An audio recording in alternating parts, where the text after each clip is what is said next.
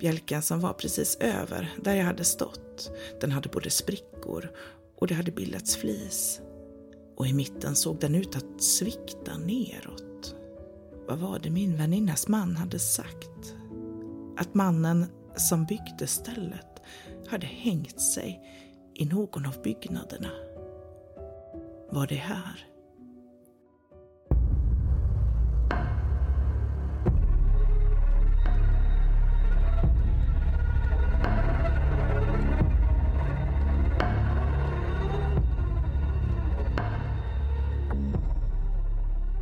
Hej och välkomna till podden Rysningar. En podd där jag, Anna, blandar gamla myter och legender, spökhistorier, creepypasta och hemskheter från både nutid och dåtid. Det här är mitt andra avsnitt och du som lyssnat på mitt första vet att det är en nystartad podd hösten 23. Rysningar har funnits några år på Youtube och jag kommer att i alla fall den här hösten använda mig av gamla avsnitt som redan tidigare släppts på Youtube-kanalen. Kanalen kommer att finnas kvar där även om fokus härmed kommer att ligga på podden. Kanske dyker det upp någonting nytt där så småningom också. Alltså gamla avsnitt resten av 2023. Eller nya för er som inte känner till rysningar sedan innan. Och planer på lite nytt material 24. Usch vad långt fram det där lät just nu, men nej då. Vi är snart där. Det här avsnittet, nummer två, det kommer bestå av en enda berättelse. Eh, det är lite långt, så att det är väl egentligen bara att köra igång. Jag säger därför redan nu, tack för att du lyssnar. Och följ mig gärna på Youtube eller Instagram, där jag heter Rysningar. Och så följ mig gärna här då, förstås, också såklart. Jag kommer tillbaka nästa vecka.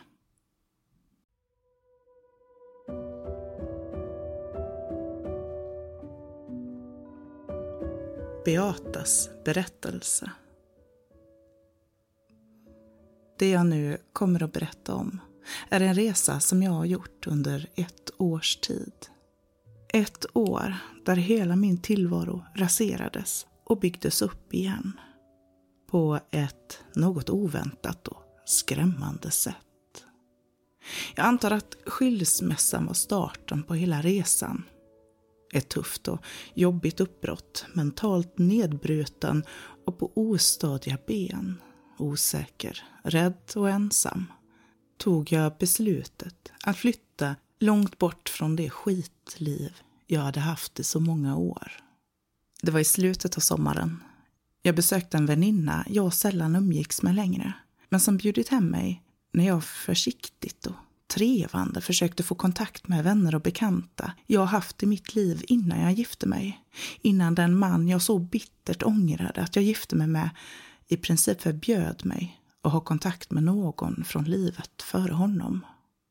Min väninna bodde numera många mil bort och ett besök hos henne över en helg var precis vad jag behövde. Jag njöt av varje sekund.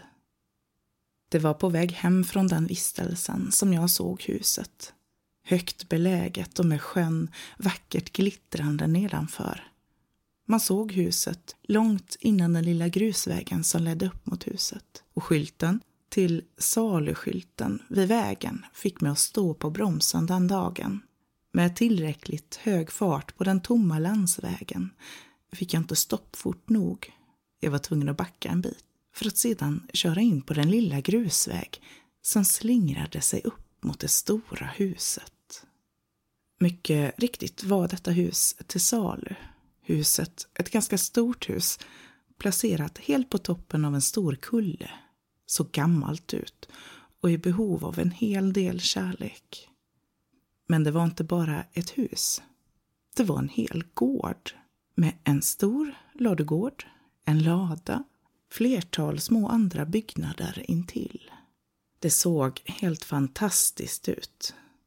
Med den prunkande grönskan som liksom omfamnade hela stället. Vattnet en bit nedanför och tillräckligt långt från vägen för att man skulle kunna känna att man fick vara i fred. Här, Här ville jag stanna.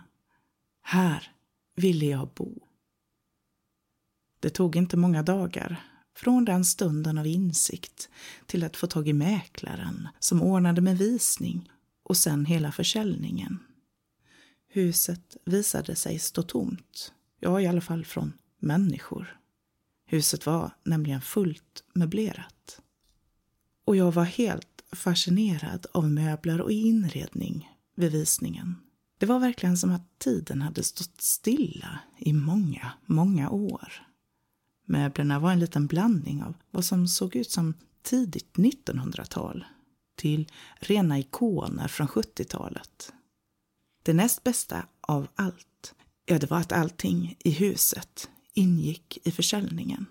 Det allra bästa var att huset hade ett sådant pris att det var möjligt för mig att köpa det utan att belåna upp mig till halsen. Det hade fram till våren bott en liten dam i huset, ensam under många, många år. Det fanns inga barn med i bilden, inga övriga släktingar.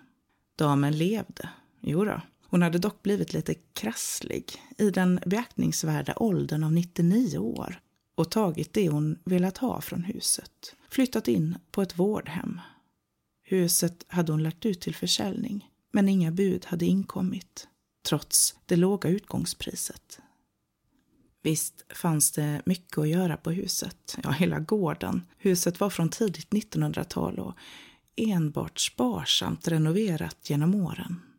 Stora behov fanns, kostsamma sådana. Huset skulle behöva både nytt tak, panelen på ytterväggarna såg bedrövlig ut, rören i huset var i behov av bytas och även elen. Både kök och badrum behövde fixas. Men jag skulle klara det här. Jag skulle ta det pö om pö och njuta av det medan jag bodde där. För jag, jag var förälskad i huset. Och det blev nu mitt. Inte ett ord nämnde mäklaren om varför andra spekulanter helt saknades. Varför gården såldes så billigt och utan bud från andra. Mitt bud, strax under utgångspriset, accepterades omedelbart. Och ja, jag frågade inte. Inte efter att besiktning och en grundlig undersökning av hela gården gjorts. Allt verkade okej, ärligt och rakt. Minns ni min väninna jag nämnde förut? Hon som jag hade varit hos när jag först fick syn på huset. Hon och hennes man var med mig vid alla inspektioner och besök. Jag hade aldrig ägt ett hus förut, aldrig ens velat ha ett. Förrän nu då. Och jag hade ju egentligen ingen aning om vad jag sysslade med när det gällde husköp. Så det var otroligt tryggt att ha med dem de hade både köpt, sålt och byggt hus och kunde en hel del. De var även med mig när jag flyttade in, vilket kommer att ske i augusti. Hela sommaren hade jag längtat och som vi slet. Huset bestod av en stor hall på nedervåningen. På ena sidan av hallen, som kom direkt efter entrén, med hängare och hatthyllor, hade på ena sidan ett slags litet kapprum med krokar och stänger för galgar på ena sidan. På andra sidan fanns väggfasta hyllplan. På andra sidan av hallen fanns ett enormt kök med järnspis och spiselkåpa. Någon gång moderniserat på 60-talet skulle jag tro. Ytterligare två ganska stora rum som tjänat som någon slags finrum skulle jag tro. Dubbeldörrar med glas och spröjs däremellan.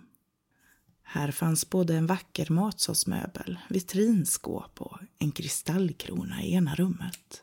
I det andra en soffa på nästan tre meter med tillhörande fåtöljer. På nedervåningen fanns också ett badrum med toalett och badkar. Även detta såg ut att ha ordnats med på 60-talet någon gång. Intill badrummet låg ett mindre rum med en enkel säng. En liten tjock-tv stod på ett litet bord med en vit duk. Och en liten sliten byrå fanns också inklämd i rummet. Jag gissade att detta rummet hade tjänstgjort som damens sovrum. Åtminstone den sista tiden innan hon flyttat. Med tanke på hur gammal hon var hade hon kanske velat slippa trapporna till övervåningen. Överallt låg vackra trägolv, mörka och slitna. Den breda trappan upp, även den i trä med ett rejält räcke. På övervåningen fanns två mindre förrådsrum, eller garderober, och fyra lite större rum. Två av dessa var helt tomma. Två av dem var inredda som sovrum, men såg inte ut att ha varit använda på många, många år. Det fanns inga foton av några människor. Inga hemliga brev undangömda i byrålådor eller annat spännande att gräva i. Bara enkla, men stilrena, mycket gamla möbler. Åldriga textilier och en och annan vacker interiör. En del möbler ville jag inte ha, men visste inte riktigt vad jag skulle göra av dem. Efter en del funderingar beslöt jag mig för att bara flytta allt som jag inte ville ha kvar i huset ner till ladan på gården. Åtminstone tills jag beslutat mig för om jag skulle sälja det eller gardera mig för att jag kanske skulle ångra mig och ville ha in något av det igen. Det var här jag för första gången fick känslan av något otäckt. I ladan. Jag visste inte vad det var. Det gick inte att förklara. Men en tryckande känsla kom över mig så fort jag närmade mig ladan. Jag behövde inte ens öppna och gå in för att känna det. Sån tung luft på något sätt. Nästan som att det knöt sig i luftstrupen. Jag hoppades att det inte var mögel eller något liknande som skapade detta nu. När jag väl hade fått in de mesta vackra möblerna där. Men jag slog bort det som dumheter. Det var nog mest ensamheten, tänkte jag. Ensligheten, liksom, som kom flygande över mig. Jag stannade aldrig där inne länge och känslan släppte taget när jag väl kom därifrån. Från gårdsplanen upp till huset gick en igenväxt grusgång med start från en hög gammal trasig grind. Grusgången gick upp till husets gamla veranda som sträckte sig över husets hela långsida. Den där verandan, det var en kväll när vi satt där trötta efter allt städande och bärande av möbler. Jag och min väninna och hennes man. Kvällen var mörk, men det fanns fortfarande värme i luften.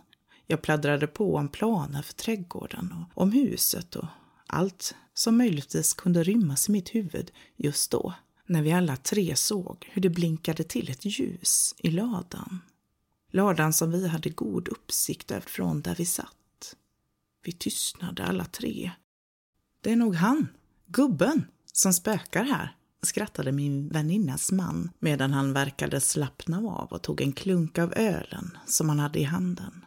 Och efter det, med en hel del påtryckningar från mig, fick han förklara sig. Han var uppväxt några mil härifrån, men hade ändå mer kännedom om platsen än vad han någonsin hade berättat. Anledningen till att han inte berättat någonting för mig, menade han, var för att inte skrämma bort mig och mitt val av att köpa gården. Han trodde inte på sånt trams och menade att jag inte heller skulle göra det. Och sedan följde den berättelse som antagligen låg till grund för avsaknaden av andra köpare till huset. Det ointresse för denna vackra plats som nu var min. Den gamla damen som sålde gården var född och uppvuxen här. Hennes föräldrar var de som hade byggt gården hon hade i mycket ung ålder blivit föräldralös på ett hemskt och brutalt sätt. Hennes far hade, som de sa, förlorat förståndet och blivit galen. Han hade i ett vansinnesutbrott tillsammans med brännvin slagit sin fru till döds. Den gamla damens mor. Någonstans på tomten ska den stackars kvinnan ha hittats blodig och livlös Strax därefter ska mannen, fadern, ha hittats hängande från en bjälke i någon av byggnaderna på gården. Osäkert om det var ladugården, ladan eller någon annan byggnad. Det sades att paret skulle ha haft två barn. Den gamla damen, som då skulle ha haft en bror som någon gång i barndomen drunknade i sjön nedanför gården. Jag stirrade ner mot ladan igen, som nu låg mörk. Det kröp längs min ryggrad. Inte för att jag trodde på spöken eller att det var en hängd man från för länge sedan som skrämde mig. Utan jag mindes känslan som jag fick när jag befann mig i närheten av ladan. Och en plötslig sorg grep tag i mig. Stackars, stackars den gamla damen som så tragiskt förlorat hela sin familj. Min väninnas man fortsatte att berätta att det under många år hade ryktats om hur det spökade här på gården. Att folk höll sig borta från platsen och att det antagligen var denna orsak som gården varit helt utan spekulanter. Orsaken till att jag fick huset och gården så billigt och snabbt berodde alltså på folks vidskeplighet och tron på spöken. Vi avslutade hela samtalsämnet med höga och hjärtliga skratt och en skål. Inte för de arma människorna som hade dött en gång här på gården, utan för vad vi då menade var andra människors fånigheter. Inte kunde jag för ett ögonblick tro vad som senare skulle komma att ske. Under hösten som följde hade jag kontakt med en byggmästare som kom för att diskutera diverse renoveringar av huset. Han kunde ordna med det mesta och efter att ha vridit och vänt på massor av möjligheter så bestämdes det att de stora renoveringarna utomhus skulle startas upp till våren. De stora inomhus, som kök, bad och el, skulle startas upp direkt. Och det var nog någon gång in på veckorna efter att vi först börjat renovera inomhus som jag började vakna om nätterna. Jag drömde om små barn som grät och jag vaknade till denna gråt. Men när jag väl hade kvicknat till var allt stilla och tyst. Därför slog jag bort det som just drömmar först. Underligt var dock att det blev allt oftare. Till slut, varje natt. Och jag hade sällan någon dröm som jag kunde relatera gråten till. Eller mindes jag bara inte. Snart kom också ett krafsande ljud, återkommande, men totalt omöjligt att försöka förstå varifrån det kom. Knackningarna, svaga knackningar lät det som. Men värst var krafsandet, som om huset var fullt av små möss och gnagde i väggarna. Kanske inte så konstigt ändå. De borde ha letat sig inomhus när hösten och vintern och kylan kom. Jag skaffade musfällor, men fick aldrig en enda. Kylan, ja, även om det såklart blev allt kallare ju närmare vintern vi kom, så blev det isande kallt runt mig ibland. Och betydligt kallare än vad ett oisolerat hus kan leverera en höstkväll eller natt. Jag menar verkligen isande. Jag kunde sitta i soffan eller vid köksbordet eller om jag hade gått och lagt mig och plötsligt få som en isvind över mig. Min andedräkt blev till synbar ånga och huden knottrade sig så att det nästan värkte i kroppen. Så kallt blev det. För några sekunder, max i en minut. För att sedan återgå till den normala temperaturen igen. En höstkväll satt jag på verandan och njöt av tystnaden och lugnet Mörkret hade fallit då jag fick den där isande kylan över mig och ett par sekunder senare hör jag hur någon befinner sig inomhus. Ljud som av knackningar, hasanden, krafsningar och underliga stön som från både hallen och köket. Jag springer då in innan rädslan tar form. Men dörren, dörren var låst. Jag hade inte låst dörren. Jag hade blivit utelåst. Jag stod där som fastfrusen på verandan med handen på dörrhandtaget och hörde hur någon eller något öppnade och stängde skåp i köket. Drog ut saker, kastade saker. Jag både ville och inte ville in, livrädd men samtidigt vansinnigt arg på vem som försökte ha sönder mitt hem. Jag började skrika, slå i dörren, slå, banka och skrika. Då tystnade det där inne. Och jag med. Jag lyssnade, hörde ingenting. Plötsligt hör jag hur låset snabbt vrids om i dörren. Jag känner på handtaget och jag kan nu öppna. Någon låste upp. Sakta, sakta smyger jag in i hallen. Lyssnar, men hör inte ett knyst. Jag fortsätter in i köket där jag förväntar mig total kaos efter vad jag hade hört. Men ingenting verkar rört. Allt ser ut precis så som jag hade lämnat det innan jag gick ut. Jag stod helt stilla en stund, försökte få klarhet i tankarna, försökte förstå vad det var som precis skett. Men det klarnar inte någonting.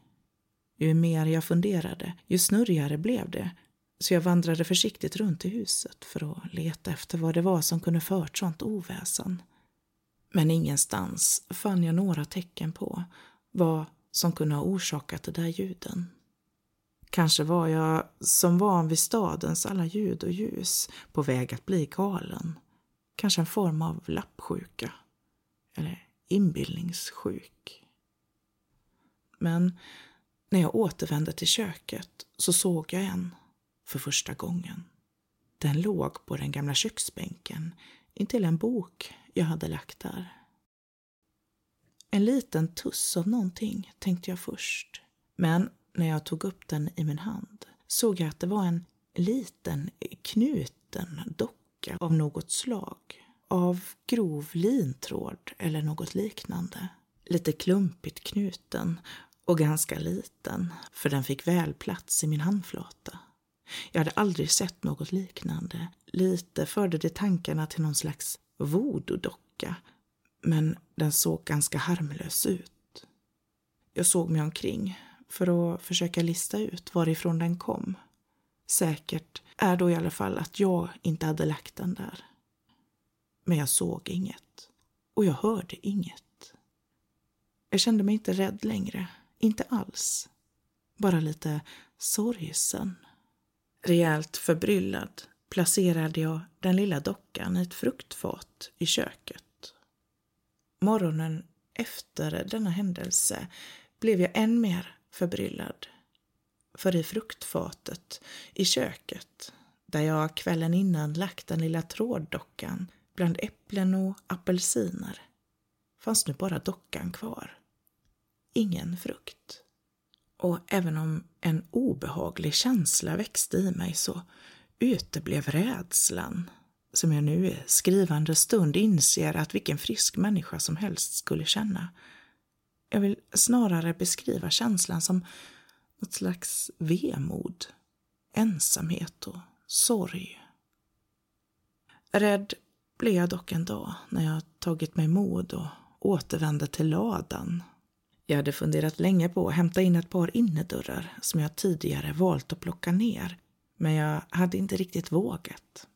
Jag hade harklat upp tillräckligt med mod ett par dagar för att med bestämda steg gå mot ladan och med ett stadigt tag få upp den stora dörren och bestämt kliva in. Min blick sökte över den stora ytan för att försöka lokalisera dörrarna i allt virvar av möbler och staplade lådor. När jag stod där, stilla, hörde jag ett brak som verkade komma ovanför mig. Och strax därefter dröser små partiklar ner över mig som ett moln av finkornigt damm blandat med sågspån, småflis och spindelnät. I ren panik kastade jag mig bakåt mot dörren men innan jag öppnade och tog mig ut tittade jag upp ifrån vart ljudet härstammade och jag kunde se hur en av takbjälkarna som ledde från vägg till vägg in i ladan hade brustit i mitten av byggnaden. Bjälken som var precis över där jag hade stått, den hade både sprickor och det hade bildats flis. Och i mitten såg den ut att svikta neråt. Vad var det min väninnas man hade sagt? Att mannen som byggde stället hade hängt sig i någon av byggnaderna. Var det här? Det såg onekligen ut som om någon hade hängt sig i bjälken i taket. En tyngd hade fått bjälken att brista. Sakta backade jag ut från ladan. Dörrarna fick vara. Renoveringarna inomhus var i full gång. Och vet ni, flera gånger hittades nu likadana små garndockor som jag hade hittat den där höstkvällen i köket. Helt oförklarligt dök de upp lite överallt i huset. De kunde ligga mitt på golvet när jag vaknade på morgonen, eller i ett skåp, eller på soffbordet när jag kom hem från en shoppingtur, eller på fönsterbrädan när jag kom in efter en stund i trädgården. Jag samlade dem alla i fruktskålen. Frukt fick istället ligga på ett fat vid köksbordet och titt som tätt så försvann frukt från fatet. Helt oförklarligt. Jag var nöjd med fortskridandet av arbetet i huset. Det gick över förväntan. Men helt klart skulle prio under våren vara att tilläggsisolera huset medan panelen ändå skulle bytas. För det var kallt och de där isande tillfällena, de kom allt oftare. Men jag var ändå nöjd med min tillvaro. Om det inte hade varit för nätterna, gråten, ja det snyftades, det gurglades och ylades som om det kom inifrån väggarna. Men så fort jag vaknade till så pass att jag kunde lyssna och försöka förstå, ja, då blev det tyst. Men jag drömde om barn som grät. Jag drömde om hur jag själv grät och hur jag blev instängd, eller kanske utestängd. Och hur jag krafsade mot dörren med mina naglar, hur jag ropade och skrek efter någon som skulle kunna hjälpa mig. Ofta hörde jag hasande ljud, men inte heller dessa kunde jag lokalisera. Ofta hasade det bort från mig, som att ljuden blev allt svagare, om ni förstår, tills det blev helt tyst. Jag drömde mycket den här vintern om två kvinnor. Kvinnor som bara stod. Jag kunde inte förklara det bättre än simpla mardrömmar. Två kvinnor stående bredvid varandra på min veranda. Den ena klädd i svart lång kjol och mörk blus, med håret stramt bakåt kammat i en knut i nacken och med en bister min. Ett ansikte som hugget i sten. Den andra kvinnan, också hon med uppsatt hår, men i en betydligt mjukare framtoning. Denna kvinna var klädd i vit långklänning med ett vackert skärp i midjan. Och hon hade varit vacker, om det inte hade varit för det blod som solkade ner hennes ansikte och håret på ena sidan. Blod som droppade ner från hennes haka, ner på den vita klänningen. De sa aldrig någonting. De rörde sig inte. De tittade inte på varandra. De bara stod där, bredvid varandra. Jag gillade aldrig de där drömmarna. De var obehagliga och kymiga och jag hade alltid ett visst obehag hela kommande förmiddagen efter att de dykt upp i mina drömmar. Det var när badrummet skulle renoveras som allt eskalerade. Jag hade bestämt att väggen mellan det befintliga badrummet och det som troligen används som kapprum närmast hallen skulle slås ut för att kunna göra ett stort, luftigt och ljust badrum. Jag valde att själv plocka ner hyllor och en del av den liggande panelen i det gamla kapprummet och fann en liten lucka bakom panelen längst ner mot golvet. Luckan var kanske 30 gånger 40 centimeter och kunde lyftas bort från väggen. När jag gjorde det spred sig en unken rött vattenlukt och i min iver att undersöka stoppade jag in en hand för att känna efter. Blixtsnabbt drog jag tillbaka handen. Jag hade vidrört vid någonting kladdigt, någonting blött. Det luktade riktigt illa.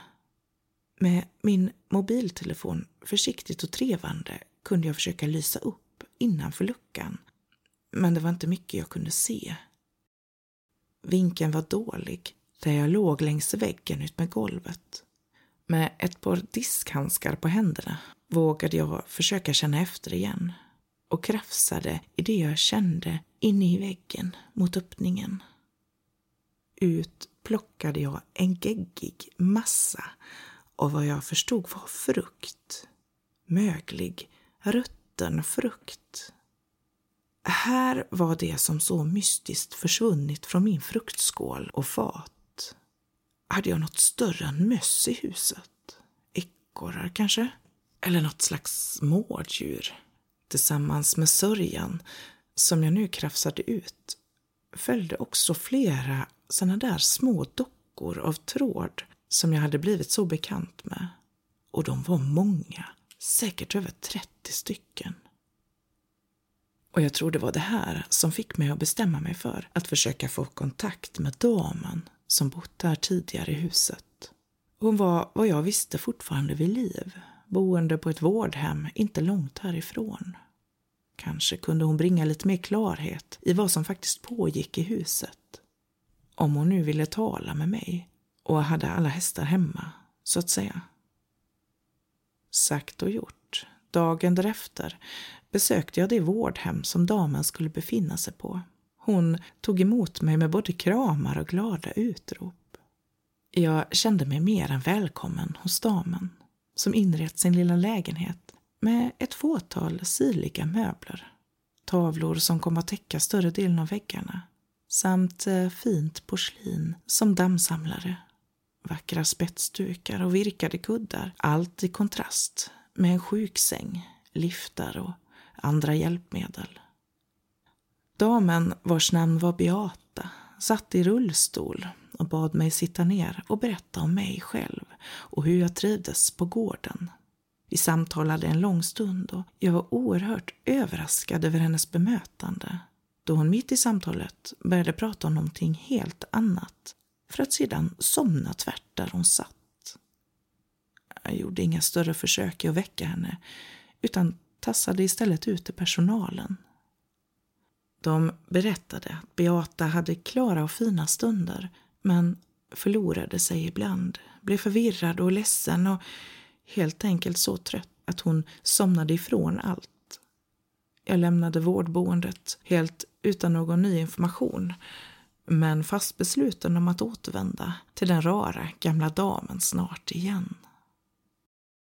Så blev det också. Jag kom att komma tillbaka, om och om igen. Beata visade sig vara törstig på sällskap, och kanske jag med. Hon var en härlig dam med glimten i ögat, alltid glad när jag kom för att besöka henne. Förutom när jag hade frågor om gården. Eller började berätta om renoveringarna som var i full gång där hemma. Då tappade hon plötsligt tråden. Började prata osammanhängande eller somna tvärt. Det blev till slut så tydligt och så underligt att jag började misstänka att det hela var ett skådespel. Tydligt var dock att hon inte ville prata om historien om sitt forna hem. Och var det inte väldigt passande att avsluta ett otrevligt samtal med små snarkningar? Hur som helst så kom jag och Beata att bygga upp en fin vänskap. Vi hade riktigt trevligt och jag var hos henne flera dagar i veckan. Jag blev någon slags kontaktperson för personalen som meddelade mig om Beata behövde inhandla något eller om hon behövde ha med sig någon för en sjukresa.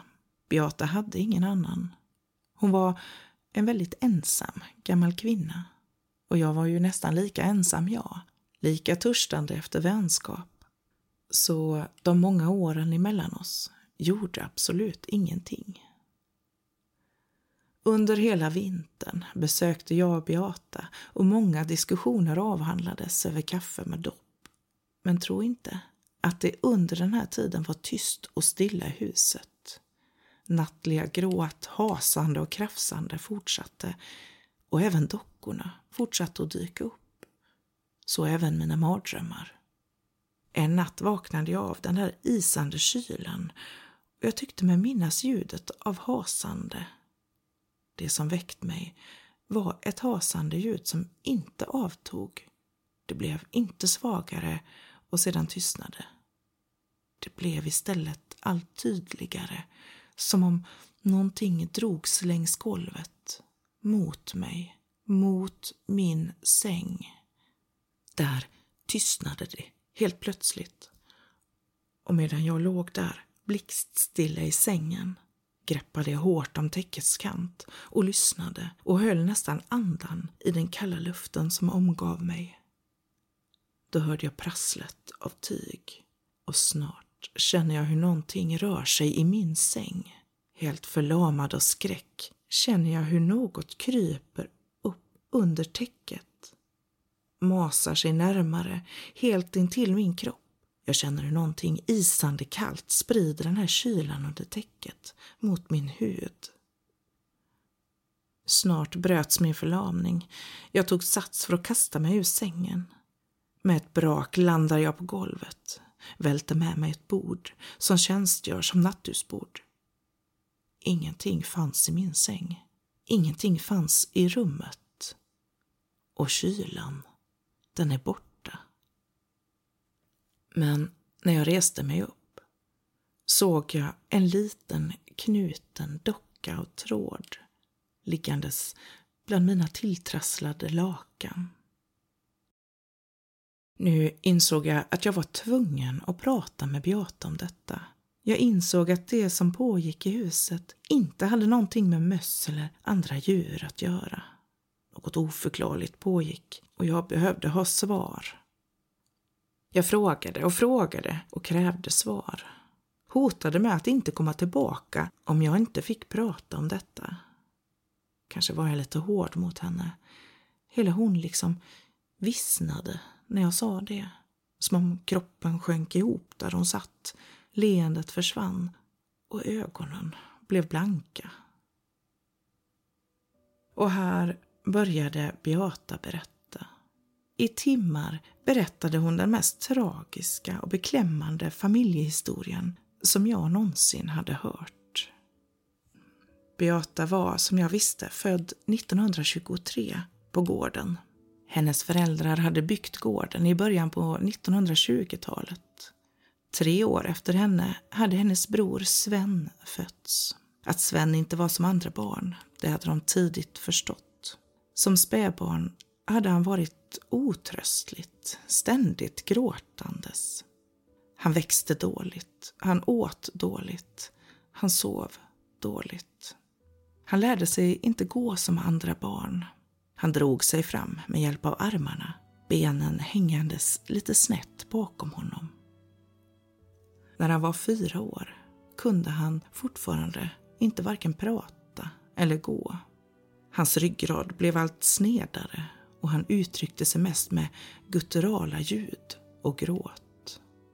Beata berättade vidare om sin far som varit en sträng och hård man som inte ville veta av sin son.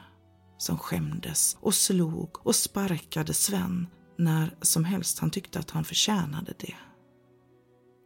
Även Beata fick stå ut med många slag och hårda ord men långt ifrån den grymma behandling som hennes bror fick. Deras mor var vek, som Beata beskrev det hon hade nog kärlek till sina barn och försökte skydda och ombesörja, men var hårt styrd av sin make. Samt samhällets dåvarande normer. Sven gömdes undan för alla som besökte gården. Man ville inte visa upp ett handikappat och annorlunda barn. Man gömde honom om någon kom på besök. Man lät honom aldrig vistas ute och han följde aldrig med familjen när de skulle fara från gården när Sven var runt fem år lyckades på något sätt fadern sprida ett falskt rykte om att sonen gått i sjön och drunknat. Att han försvunnit ner mot botten och aldrig mer kunde återfinnas. Det där var ren och skär lögn, berättade Beata medan hennes tårar trillade ner för hennes fårade och sköra kinder. Sven kom att gömmas inte bara för utomstående. Beatas röst stockade sig medan hon försökte berätta. Rösten hade blivit svag och svajig. Hennes far byggde ett gömt rum till Sven. Där skulle han vistas.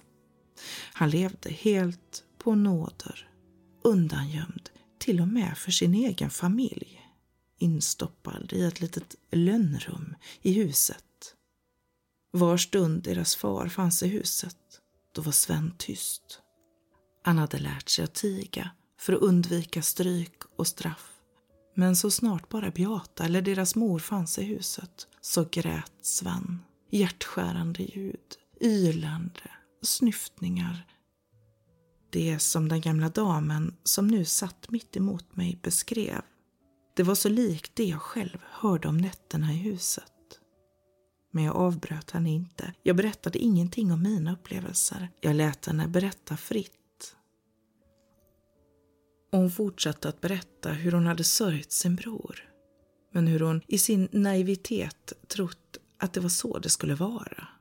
Trots det visste hon ju att någonting var fel. Det var inte så ett barn skulle leva. Så som Sven, oavsett hur sjuk eller handikappad man var. Hon beskrev hur gråten och ljuden de skar i hennes hjärta och jag kunde se hur illa det gjort henne, hur ledsen hon blev. Även nu, så många år efter. Sven hade fått tillbringa den mesta tiden i det gömda rummet. Beata beskrev exakt var i huset och jag blev kall när jag förstod vad det var. Hon berättade hur hon brukade sitta vid väggen, på golvet och nynna och sjunga för honom. Han kom utkrypandes ibland, oftast om nätterna. Beata hade alltid mat och vatten stående gömt till honom. Och ibland sov de samman på golvet strax utanför det gömda rummet. Beata vågade aldrig sig in till Svens hemliga utrymme. Det var för litet och skrämmande och det luktade så illa. De gånger de sov tätt bredvid varandra var Sven tyst. Det hade varit svårt för Beata. Han var kall och frusen och han liksom sög all värme ur henne. Mager och benig i sin arma kropp och han luktade förfärligt. Han kunde inte sköta sin hygien själv, inte hålla urin eller avföring. Många gånger hade Beata försökt få honom ren med vatten i en skål och en doppad trasa och gnuggade hans lilla skeva kropp. Hon hade gett honom sina egna urväxta kläder, smugit till honom både filtar och mat, livrädd att han skulle svälta ihjäl, frysa ihjäl eller bara tvina bort. För hur det än var så var Sven hennes bror. Hennes lillebror. Och stora systrar, de ska ta hand om sina småbröder. Här någonstans orkade inte Beata berätta mer. Hon bad mig till och med att gå för att återkomma nästa dag.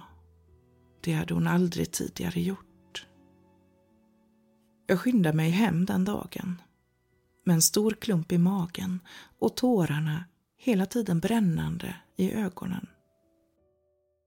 Väl hemma slet jag upp dörren.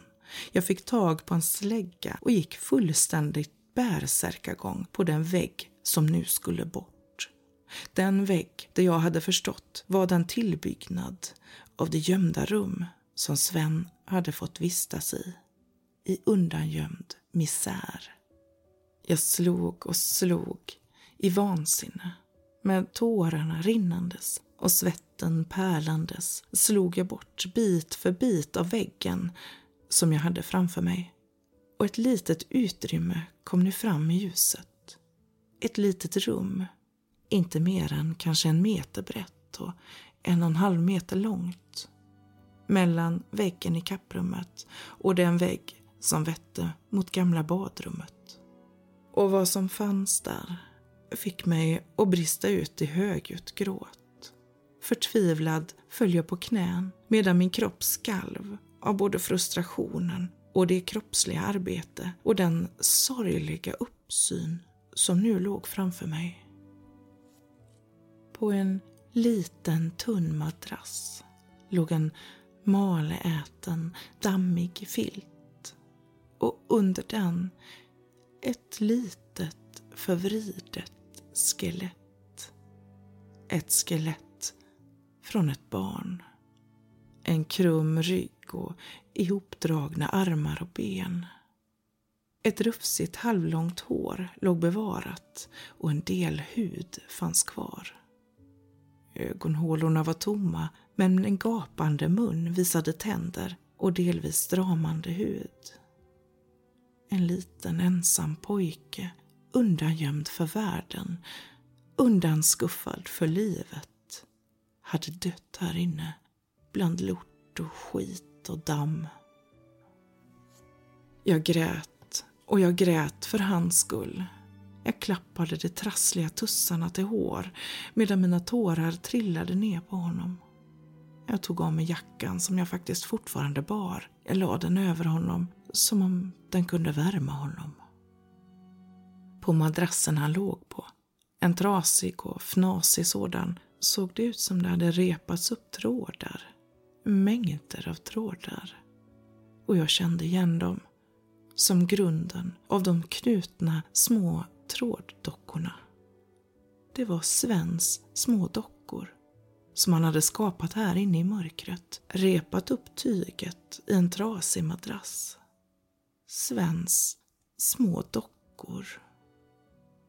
Polisen kom den kvällen för att undersöka och den kvällen vimlade det av folk i mitt hem.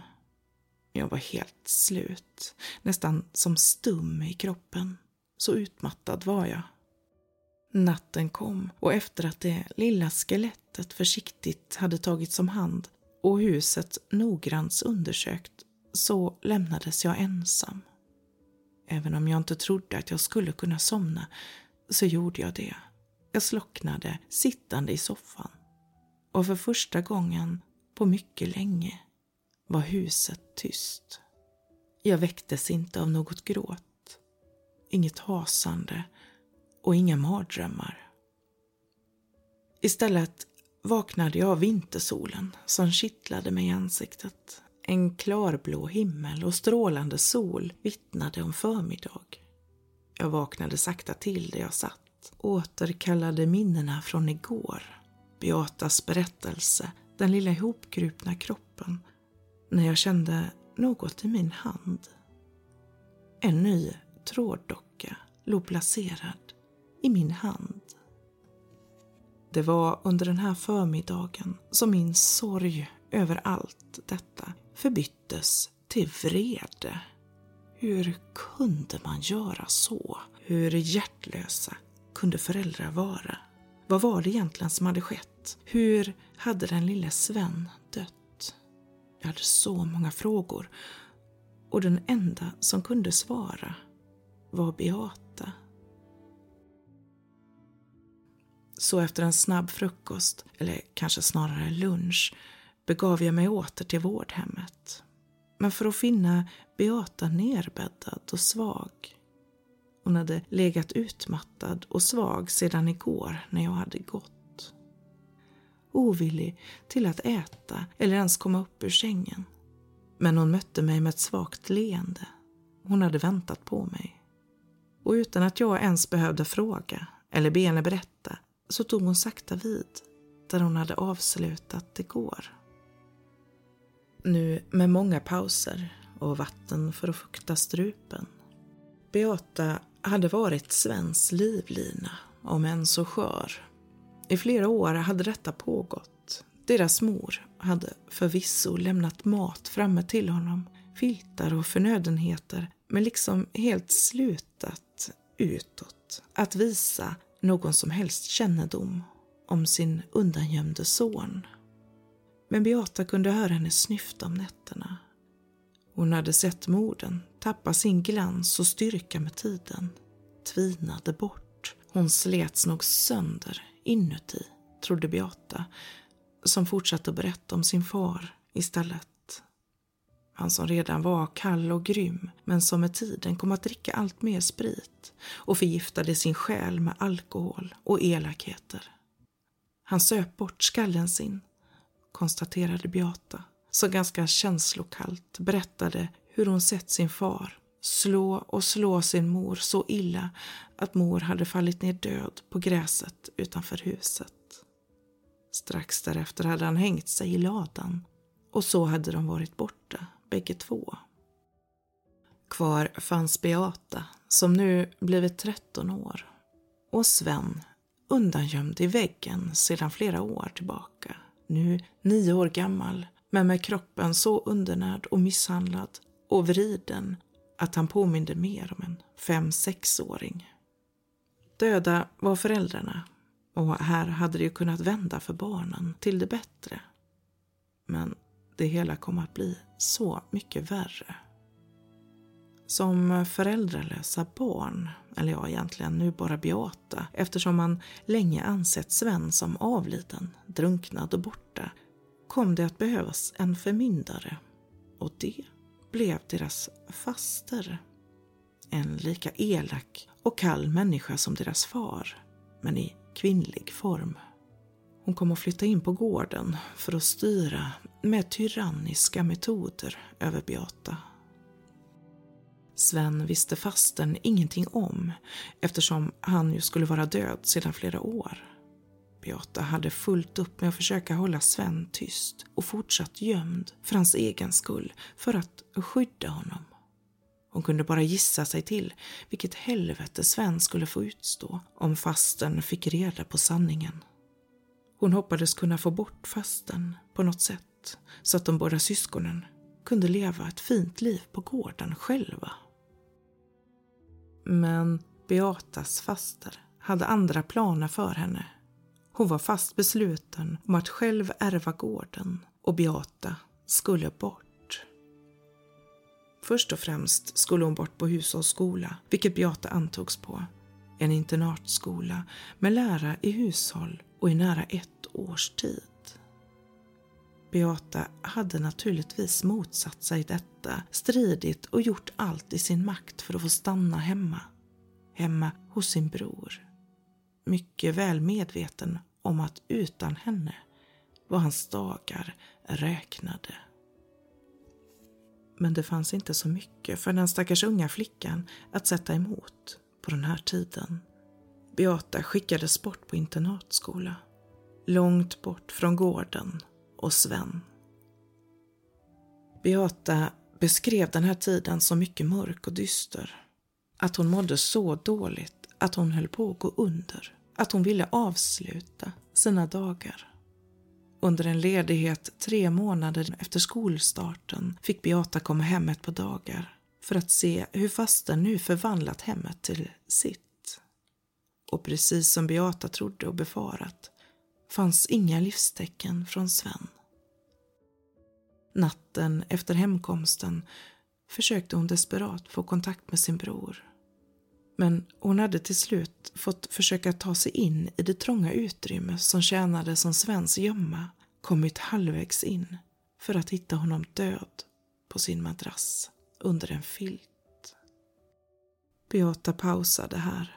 Hon lät tårarna trilla ner på kudden som hon vilade på. Hon blev tyst en stund. Vi var tysta bägge två. Och jag upptäckte att även jag hade tårar längs kinderna. När Beata väl började prata igen var det mer som viskningar. Hon viskade fram om hur förtvivlad och arg hon hade varit. Hur hon hade skyllt allting på fasten som antagligen var helt ovetande om den lilla pojken gömd bakom en vägg men som skickat bort hans enda hopp om liv, systern. Och som på så sätt haft livet av honom, låtit honom svälta, lida till döds. Beata for tillbaka till skolan tidigare än planerat, smidde hemska planer i hemlighet hur hon skulle hämnas sin bror, återta sitt hem och få bort fasten för alltid. Hon behövde aldrig sätta sina planer i verket. Hon fick ett meddelande om hur fasten hastigt hade avlidit efter vad man trodde var kvävning. Hon hade hittats av en granne liggandes på köksgolvet. Till synes hade hon suttit vid bordet för att äta, men dött och trillat ner på golvet. I hennes mun hade man hittat sammanknutna trådar av garn eller annan linaktig sort. Hon hade troligtvis kvävts med denna i munnen. Beata berättade hur hon var övertygad om att Svens ande fanns kvar i huset. Dockorna, som hon så väl kände till, var tecken på det. För även om han var död och borta så kunde hans ande fortfarande existera tillräckligt stark för att själv ta hämnd på fasten. I ett par år fortsatte Beata sina olika skolor för att sedan återvända till den tomma och öde gården. Men inte ensam. Aldrig ensam. Sven fanns med henne. Det var hon säker på. Beata var trött och svag och jag förstod att vi var tvungna att avsluta. Jag pussade henne på pannan och i hennes hand smög jag in en liten varm tråddocka. Den hade jag suttit och kramat och värmt hela vistelsen den här dagen hos henne. Hon slöt sin magra hand om den och log. Även nästkommande natt var tyst. Tyst och stilla i huset, utan ljud, utan drömmar. Jag var lite förundrad över detta när jag vaknade på morgonen. Men efter att jag hade gjort mig i ordning i färd med att ta mig till nedvåningen för att äta frukost och sedan bege mig till vårdhemmet greppade jag min mobiltelefon och gick mot trappan. Jag tvärstannade. På golvet, i dunklet, satt en person. I alla fall vad som såg ut som en. Det var svårt att se, mer än en mörk siluett. Jag höll andan, för sakta började denna figur röra sig och snart kunde jag urskönja ett huvud som lyftes. Sittandes på en överkropp, nästan vad som såg ut som helt utan hals. Med en vriden bröstkorg och en kutande rygg. En figur som satt på sneda höfter med benen vridna under sig. Höll uppe sin överkropp med armarna spelandes mot golvet. Jag såg mer och mer, men inget ansikte, inget uttryck. Så kom hasandet, det där ljud som jag så många gånger hade hört förut. Hasandet när kroppen drogs mot golvet med hjälp av armar och händer för att komma framåt. Sakta först, med pauser. Sedan snabbare, högre, hotfullare. Och som hela huset helt plötsligt vrålade, rungade det i mina öron. Mitt hjärta slog i en vansinnig takt. Han kom rakt emot mig, snabbt och aggressivt, med ett omänskligt ljud. Det svartnade för mig. Jag måste ha fallit ihop, svimmat i ren skräck. Jag vet inte. Jag vaknade upp på golvet med mobiltelefonen hårt i handen. Det ringde. Det var det som fick mig att kvickna till. Förbryllat satt jag mig upp, såg mig omkring, sökte efter vad det var som hade skrämt mig. Men ingenting fanns där. Bara en ilsken telefonsignal. Det var vårdhemmet som ringde mig den morgonen. Beata hade somnat in den natten för att inte vakna mer. Hon hade legat död när personal kom in till henne.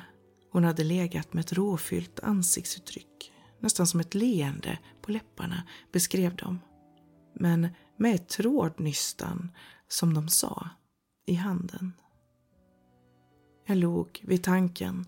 Det var sorgligt och ensamt att hon nu var borta, men det kändes som att hon hade kunnat få avsluta i ro. Det var vackert på ett sätt, mitt i allt det tragiska som hade omgett hennes liv. Jag ordnade med begravningen, en dubbel sådan.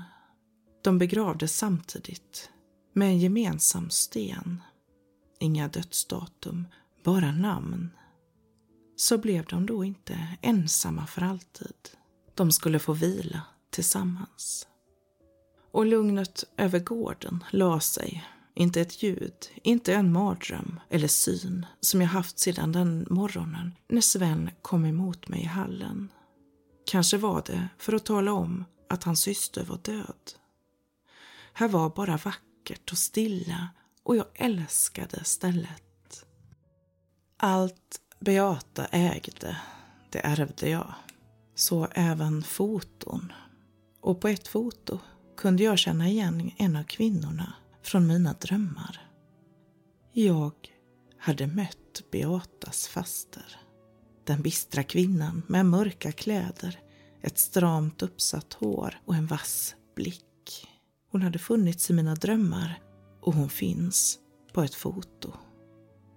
Jag har också mött Beatas mor, även hon i mina drömmar, som en av kvinnorna på verandan.